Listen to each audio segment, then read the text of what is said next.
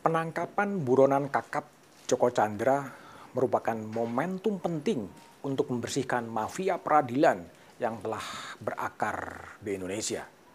Sudah lama mafia peradilan berakar, bahkan pada era Orde Baru dibentuk operasi tertib yang dipimpin oleh Laksamana Sudomo untuk membersihkan praktek mafia peradilan. Momentum ini, momentum Joko Chandra sangat sayang kalau terlewatkan. Namun butuh dukungan politik dan ketegasan dalam mengungkap mafia peradilan. Kepemimpinan Presiden Jokowi memang sangat dibutuhkan untuk mengungkap itu. Ketika mafia peradilan sering didiskusikan, dalam kasus Joko Chandra situasinya menjadi terang benderang. Kita tentunya berterima kasih kepada Kapolri Idam Aziz melalui kabar eskrim Komjen Sigit Listio Wibowo telah mengungkap dan telah menangkap dan mentersangkakan sejumlah perwira kepolisian. Ada Irjen Napoleon Bonaparte yang kemudian patut diduga menerima imbalan ketika menghapus threat notice.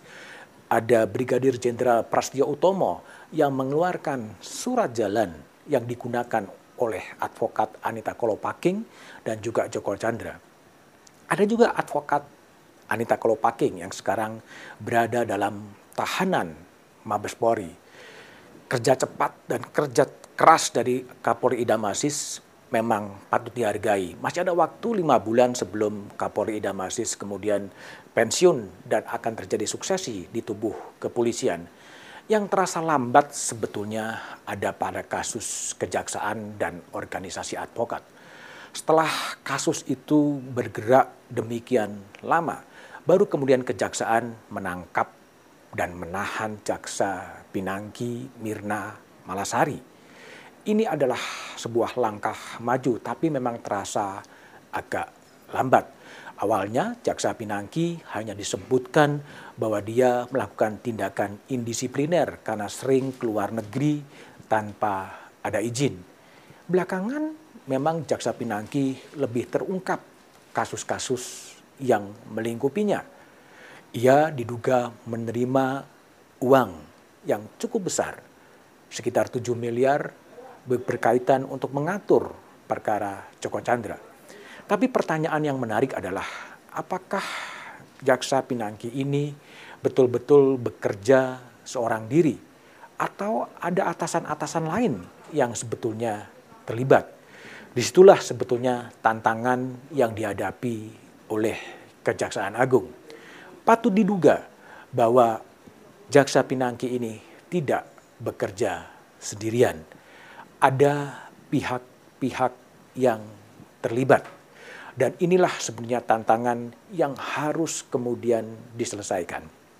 Pertanyaannya adalah, apakah kemudian kasus ini akan sepenuhnya diserahkan kepada kepolisian, akan diserahkan kepada kejaksaan, akan diserahkan kepada organisasi advokat atau akan dibentuk tim terpadu yang kemudian bisa mensupervisi semua penanganan perkara atau melibatkan Komisi Pemberantasan Korupsi jika memang ada dugaan tindak pidana korupsi di situ. Praktek mafia yang ada dalam kasus Joko Chandra relatif lengkap. Ada kepolisian, ada advokat Anita Kolopaking, ada juga jaksa, dan ada pengusaha Tommy Sumardi. Ini adalah sesuatu yang terang benderang. Permasalahannya adalah apakah Presiden Jokowi mau?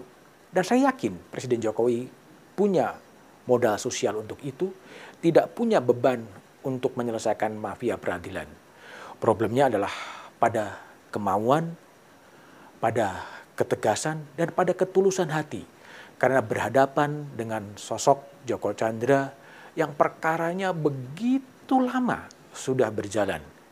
Dan tentunya melewati lima presiden, sekian banyak jaksa agung, dan ini adalah momentum yang paling baik untuk membersihkan mafia peradilan dalam arti jual beri perkala, jual beli hukum yang melibatkan semua komponen yang juga menjadi pertanyaan, organisasi advokat diam saja Minimal sampai sekarang tidak ada reaksi dari organisasi advokat terhadap perilaku-perilaku advokat termasuk Anita Kolopaking. Mereka diam, padahal organisasi advokat punya peran juga untuk membersihkan praktek mafia peradilan itu. Sekali lagi, Mari kemudian kita dukung saja upaya-upaya untuk mengungkap praktek mafia peradilan, membersihkan semua-semua yang kotor dari lembaga penegakan hukum, karena tidak mungkin memberantas pelanggaran-pelanggaran pidana apakah korupsi kalau sapu yang dihadapi adalah sapu-sapu yang kotor. Apa pun yang terjadi, kita tetap harus optimis. Presiden Jokowi jika ada kemauan pasti akan ada jalan untuk membersihkan mafia peradilan. Tapi apa pun, jangan pernah lelah untuk tetap mencintai Indonesia.